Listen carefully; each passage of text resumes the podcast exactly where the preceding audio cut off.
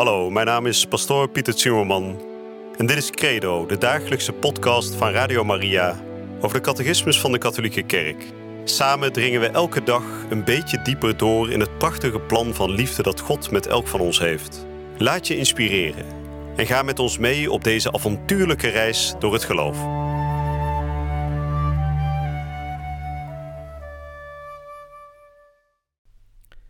Vrienden, welkom terug bij Credo, de dagelijkse podcast hier bij Radio Maria, waar we op dit moment de geloofsbeleidenis aan het behandelen zijn. En we zijn aangekomen bij artikel nummer 6. Het vorige artikel sprak over de verrijzenis van Jezus Christus en nummer 6 spreekt over zijn hemelvaart. Een belangrijk geloofspunt en we gaan daar vandaag over spreken.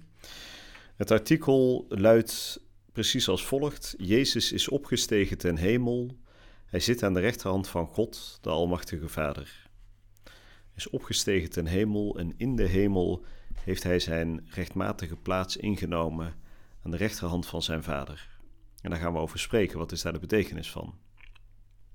En zoals u weet zijn we de geloofsbeleidenis beetje bij beetje aan het uitpluizen.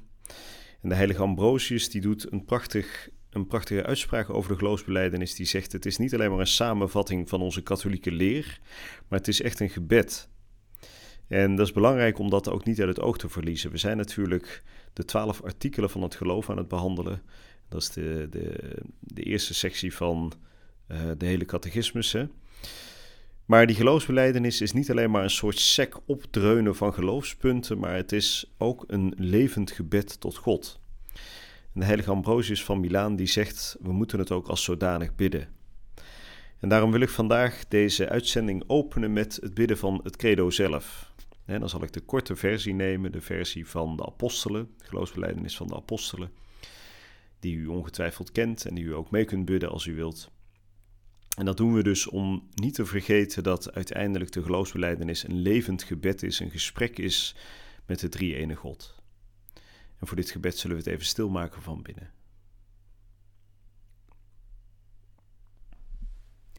In de naam van de Vader en de Zoon en de Heilige Geest. Amen. Ik geloof in God, de Almachtige Vader, Schepper van hemel en aarde, en in Jezus Christus, zijn enige Zoon, onze Heer, die ontvangen is van de Heilige Geest, geboren uit de Maagd Maria die geleden heeft onder Pontius Pilatus, is gekruisigd, gestorven en begraven. Die nedergedaald is ter helle, de derde dag verrezen uit de doden. Die opgestegen is ten hemel, zit aan de rechterhand van God, de Almachtige Vader. Vandaar zal hij komen oordelen, de levenden en de doden.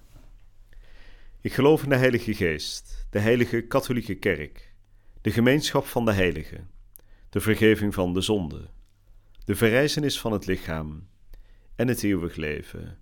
Amen. Vrienden, ik ga vandaag behandelen de nummers 659 tot en met 667. En net als in de vorige uitzending zal ik ook weer het blokje in het kort. Hè, u weet, elke uh, sectie eindigt met een blokje dat is genaamd door de catechismus in het kort. Ik zal die vandaag ook weer meenemen omdat de samenvatting vandaag van dit hoofdstuk kort is. En die kunnen we mooi meenemen met uh, de artikelen die spreken over de hemelvaart van de Heer. Dus ik lees voor vanaf nummer 659. Jezus is opgestegen ten hemel. Hij zit aan de rechterhand van God, de Almachtige Vader. Nadat de Heer Jezus al dus tot hen gesproken had, werd hij ten hemel opgenomen en zit aan de rechterhand van God. Het lichaam van Christus is verheerlijkt vanaf het ogenblik van zijn verrijzenis, zoals de nieuwe bovennatuurlijke eigenschappen bewijzen die zijn lichaam voortaan blijvend bezit. Maar gedurende de veertig dagen waarop hij met zijn leerlingen vertrouwelijk zal eten en drinken, en hen zal onderrichten over het koninkrijk, blijft zijn heerlijkheid nog verborgen onder het uiterlijk van een gewone menselijke natuur. De laatste verschijning van Jezus eindigt met het onomkeerbare binnengaan van zijn menselijke natuur in de goddelijke heerlijkheid, gesymboliseerd door de wolk en door de hemel. waar hij voortaan aan de rechterhand van de Vader is gezeten. Het is slechts op een geheel uitzonderlijke en unieke manier dat hij zich aan Paulus als aan de misgeboorte zal vertonen in een laatste verschijning die Paulus tot apostel maakt. Het verborgen karakter van de heerlijkheid van de verrezenen, gedurende deze tijd, schemert door in zijn mysterieuze woorden tot Maria Magdalena. Ik ben nog niet opgestegen naar mijn vader, maar ga naar mijn broeders en zeg hun: Ik stijg op naar mijn vader en uw vader, naar mijn God en uw God. Dit duidt op een verschil in verschijningsvorm tussen de heerlijkheid van Christus die verrezen is en die van Christus die omhoog geheven is en zit aan de rechterhand van de Vader. De zowel historische als transcendente gebeurtenis van de hemelvaart geeft de overgang van de ene verschijningsvorm naar de andere aan. Deze laatste fase blijft nauw verbonden met de eerste, dat wil zeggen de nederdaling uit de hemel, verwezenlijkt in de menswording. Alleen hij die van de Vader is uitgegaan, kan naar de Vader gaan, Christus. Nooit is er iemand naar de hemel opgeklommen, tenzij hij die uit de hemel is neergedaald, de Zoon des Mensen. De menselijke natuur heeft, aan haar eigen natuurlijke krachten overgelaten, geen toegang tot het huis van de Vader, tot het leven en het geluk van God. Alleen Christus heeft de mens deze toegang kunnen verschaffen. Hij is niet van onze zijde geweken. Zwakke mensen heeft hij hoop gegeven. Hij is ons hoofd, wij vormen zijn lichaam. Waarheen hij ons is voorgegaan, zullen wij eenmaal volgen. Wanneer ik van de aarde zal zijn omhoog geheven, zal ik alle tot mij trekken. De verheffing op het kruis is het beeld en de aankondiging van de verheffing ten hemel met hemelvaart. Ze is het begin ervan. Jezus Christus, de enige priester van het nieuwe, altijd durende verbond, is niet een heiligdom door mensenhanden gemaakt binnengegaan, maar de hemel zelf, om er nu voor onze zaak bij God present te zijn. In de hemel oefent Christus voortdurend zijn priesterschap uit, daar hij altijd leeft om voor hen te pleiten, die door zijn tussenkomst God naderen. Als hoge priester van het komende hel is Hij het middelpunt en de hoofdpersoon van de liturgie, die de Vader in de hemel eert. Christus is voortaan gezeten aan de rechterhand van de Vader. Met rechterhand van de Vader bedoelen wij de heerlijkheid en de eer van de goddelijkheid, waarin de Zoon van God voor alle eeuwen als God bestaande en gelijk in wezen aan de Vader, na uiteindelijk het vlees aangenomen te hebben, ook lichamelijk gezeten is nadat tevens zijn lichaam verheerlijkt is.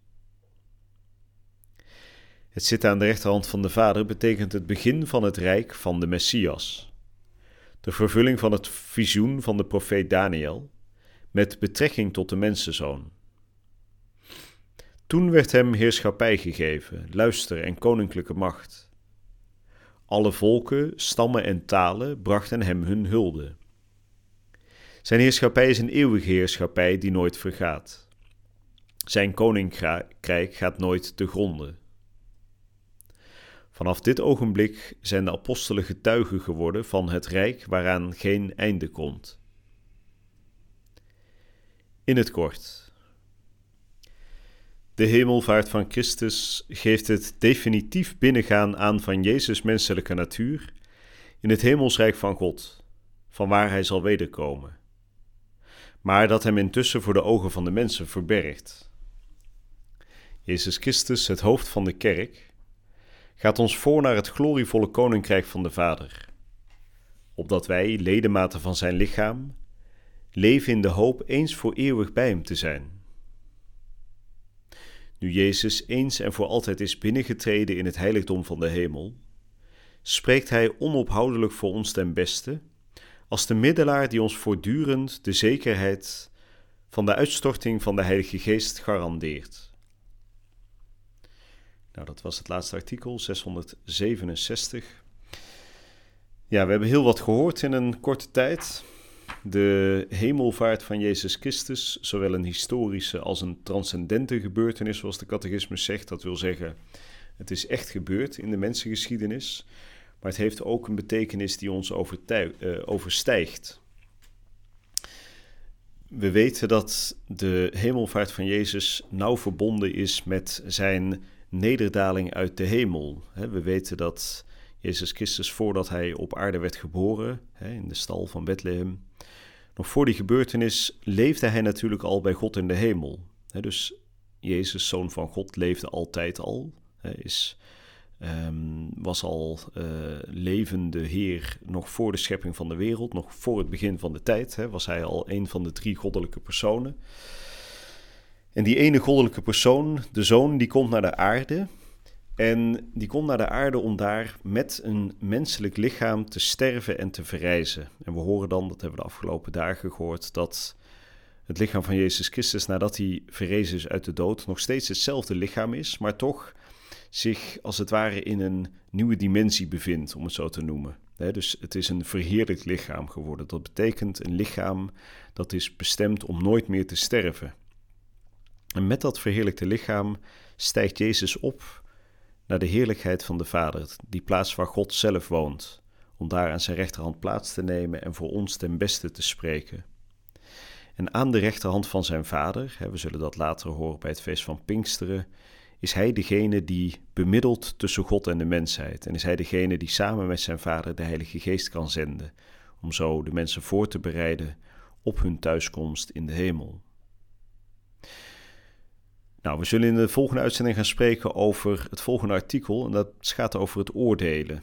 vanaf de rechterhand van zijn vader overziet Jezus Christus heel de schepping en is hij ook voor iedereen aanspreekbaar. En vanaf, zijn, vanaf de rechterhand van zijn vader zal hij uiteindelijk ook wederkomen aan het einde der tijden om te oordelen levenden en de doden. En wat dat precies betekent en hoe dat gaat, zullen we in de volgende uitzending gaan horen. Voor nu wens ik u een hele goede en gezegende dag toe. Je luisterde naar Credo, de dagelijkse podcast van Radio Maria over de catechismus van de Katholieke Kerk. Credo is iedere werkdag te beluisteren op Radio Maria. Maar je kunt de afleveringen ook in je eigen tempo terugluisteren op onze website, in de app of op Spotify en de andere platforms.